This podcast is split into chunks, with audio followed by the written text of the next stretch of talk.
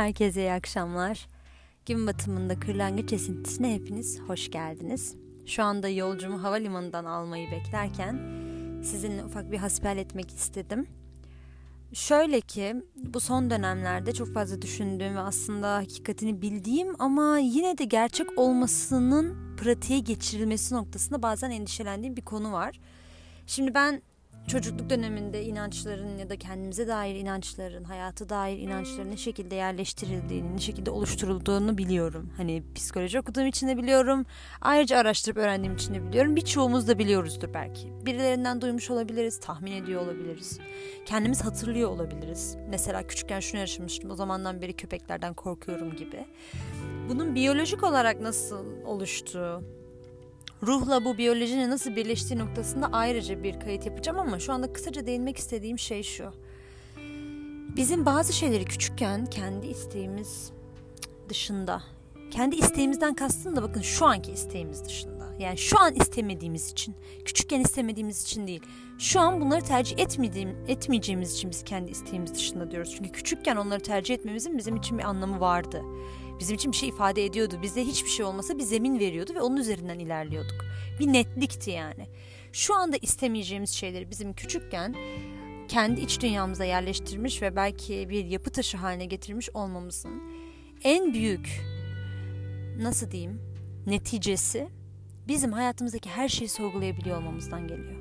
Yani biz hayatımızı sorgulayabileceğimiz, dönüp baktığımız her şey yönünde değerlendirebiliriz hayatımız bizim sorgulanabilir tabularımızdan ibaret gibi görebiliriz. Tabii ki ben hayatımızda iyi giden şeyleri sorgulayalım anlamda söylemiyorum. Sorun değil. Kendimizi iyi hissettiğimiz şeylerin zaten uyum sağladığı bir kısım vardır. Ama bizi böyle bir ya beni sorgulama, böyle bana bir dokunma, bak bana dokunursan canımız acıyacak dedirten konuları bir sorgulayalım. Şöyle bir alt üst edelim. Bir altımız üstümüze gelsin. Bir bir kaybolsun, bir korkumuzun içine bakalım. Bir şeyler olsun yani. Hayatımızda yapı taşı olarak gördüğümüz o sarsılmaz benlik ve çevre algılarımızdan bir sıyır, sıyrılalım biraz. Artık heyecan yaptıysan kelimelerin boğazında düğümleniyor. Yani burada e, korkunun bir rolü var tabii ki. Çünkü genelde bizi korku tutar inandığımız şeylerin gerçek olmama ihtimali bizi hem kendimize dair bir korkuya sebebiyet verir hem de bildiğimiz onca şeyin yalan olma ihtimalinden dolayı bir korku verir. Hani bu filmlerde görürüz insanlar evlatlık edinildiğini böyle yetişkin bir yaşta öğrenirler ve sonra der ki yani her şey yalan mıydı? Oysa ki o kadar çok gerçek şey var ki yani sadece evlat edinilmiş olmaları dışında her şey gerçek belki de çoğu zaman kendilerinin tabii ki sevildiği gerçeğini belki öngöremiyor oldukları için böyle hissediyorlar ama insanların sırf onların gerçek teyzeleri, gerçek halaları, gerçek anneleri, babaları olmaması onlar için öyle olmak istemedikleri anlamına gelmez ki. Belki gerçekten onların keşke kendi öz sahiplendikleri insanlar yerine öz evlatları olsalardı da keşke onların gerçek teyzesi, gerçek annesi babası olsaydı. Belki o insanlar da öyle olmasını istiyordu. Onlar için de başka bir taraf yani olaya baktığımız zaman.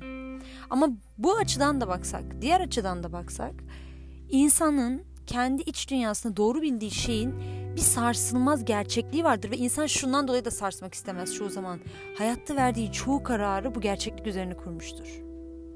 Çoğu karar bu gerçekliğin zemini üzerine inşa edildiği için şimdi en üst basamaklara doğru yavaş yavaş geldikçe sarsılmaya başlar insan. Ama hiç aklına gelmez ki acaba zeminde mi bir sorun var? Demek aklına gelmez ya kullandığı taşla alakalı bir sıkıntı olabildiğini düşünebilir ya kendiyle alakalı ya yani olabilir der. Bazı bazı şeyleri insan her istediğini alamayabilir. Bu da belki benim isteyip de elde edemeyeceğim bir gökdelendir diye bazı katları çıkmamayı tercih eder. Mesela insan zemininden emin olduğu şeylerin sarsıldığını fark ettiğinde genelde kusuru kendinde bulur. Ben de diyorum ki biraz da kendi zeminimizi sarsak mesela. Bir şöyle bir çalkalasak zemini. Madem ki bir hayat inşa ediyoruz üzerine. Bir daha bir sağlam olması gerekmez mi? Yani şöyle düşünün. E, havaya ya da havaya bile değil. Normal duvara asacağınız bir tablo düşünün ama bunu üç boyutlu yapmışsınız. Yani yer üzerinde yapmışsınız ama duvara asılı duracak. Hani bu ters evler oluyor ya. Tersine merdivenleri işte sandalyeleri yerleştiriyorlar ama aslında duvara yerleştirilmiş oluyor sandalye. Şimdi siz böyle sağlam bir zemin oluşturmak istediğiniz bir tablo varken o tablonun kaç kere yapışık olduğunu kontrol edersiniz. Dersiniz ki çünkü bu dik duracak. Yani ben yatay zeminde yapıyoruz ama yapıyorum ama dikey zemine yerleştireceğim bunu. O yüzden ben bunu iyice bir sağlamlığından emin olayım. Eğer oynayan bir yeri varsa daha çok sıkılaştırayım. Onun yerine ya tamam burası oynuyor da bir şey olmaz deyip bıraktığım noktada o beni tedirgin eder. Ve benim istediğim şey bana vermeyecek netice itibariyle. Biz normal herhangi bir eşya için bile bir şey yerleştirirken bu kadar sert, bu kadar sağlamlık öngörüsüyle yaparken bir şeyleri kendi iç dünyamızın akıbetini yerleştirdiğimiz inançlarımızı şöyle bir sarsak desek ya ben yıllardır seninle yaşıyorum ama acaba benim yaşadığım sorunlara sebep sen olabilir misin? Senin kendi kaygan zemininden dolayı ben düşüyor olabilir miyim acaba? Şöyle bir sarsak kendimizi, hayatımızın alt üst olmasından korkmasak.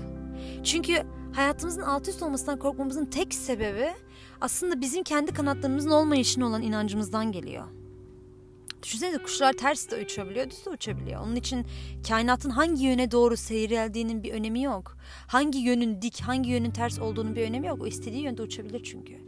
Biz de kanatlarımızın olduğuna inanarak şöyle bir tanesine bir dokunsak, bir zemine, şöyle bir taş atsak, baksak acaba o bizim beton gördüğümüz yer bataklık olabilir mi acaba? O yüzden bizim üstüne koyduğumuz her şeyi içine çekip bizi sadece yorgun bir halde bırakıyor olabilir mi?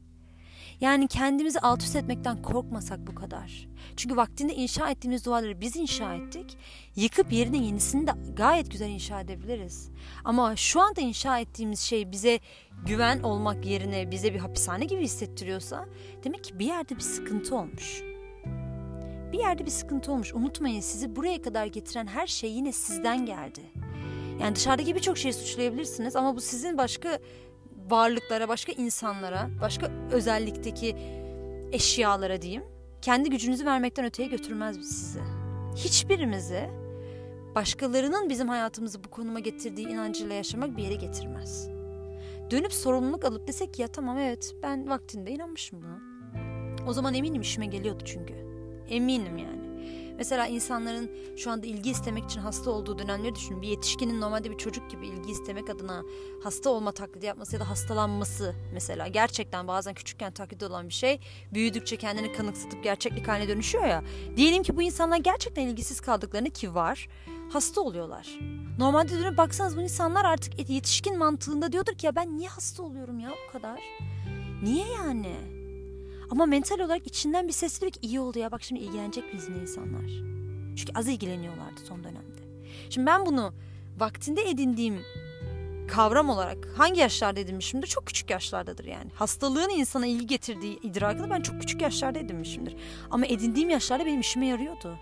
Ben hasta olduğum için okula gitmeyebiliyordum ve insanlar bunu yadırgamıyordu. Ben hasta olduğum için derste izin alabiliyordum ve derse girmek istemediğim zaman işime yarıyordu.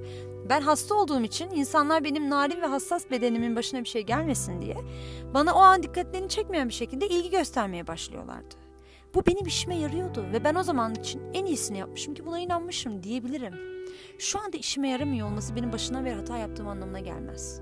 Şu anda artık kendime biçtiğim, hapishanenin içerisinde daha çok nefes alamadığım anlamına gelir. Önceden küçük küçük çocukken belki görmüşsünüzdür bu evler olur mesela. İçinde oyuncaklarınızın evi olur. Onları oynatırsınız. Bazıları hatta çocukların kendi boyundadır mesela. Bu özellikle parklarda falan olur. Böyle oturup içinde böyle küçük banklar olur. Oturup arkadaşlarıyla muhabbet edebilecekleri boyuttadır. Tamam. Siz küçükken kendiniz öyle bir boyut oluşturmuş olabilirsiniz. Bunu fiziksel olarak küçüklük olarak düşünmeyin. Ruhsal olarak bile düşünebilirsiniz. O dönem için daha kendinizi keşfettiğiniz süreçte ruhunuza dair birçok şeyin farkında değilsiniz henüz belki.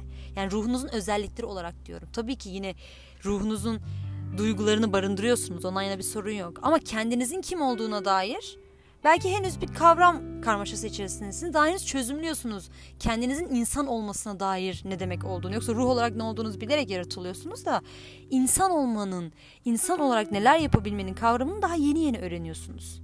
Öyle bir durumda sizin için o ev, o küçük minyatür ev yeterli olabilir. Ama şu anda yeterli değil artık. Ve şu anda yeterli olmamasından dolayı hiç kimse, hele ki kendiniz, kendinizi suçlamanızın bir anlamı yok. Kimsenin de sizi suçlamasının bir anlamı yok. Çünkü o zaman için gerekli olan buydu. Ve iyi ki de o zaman için o kadar olmuş.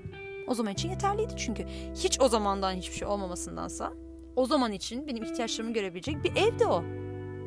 Gayet kafi. Ben o zaman bunu inşa ederken ömrüm boyunca bu hayatla yaşayacağım idraketi inşa etmedim ki. O zaman idrak ettim ben bunu ve o zaman inşa ettim. O yüzden hayatınızın alt üst olmasından bu kavram olarak endişe ettiğiniz şeylerin gerçeklik olmama ihtimalinden bu kadar korkmayın.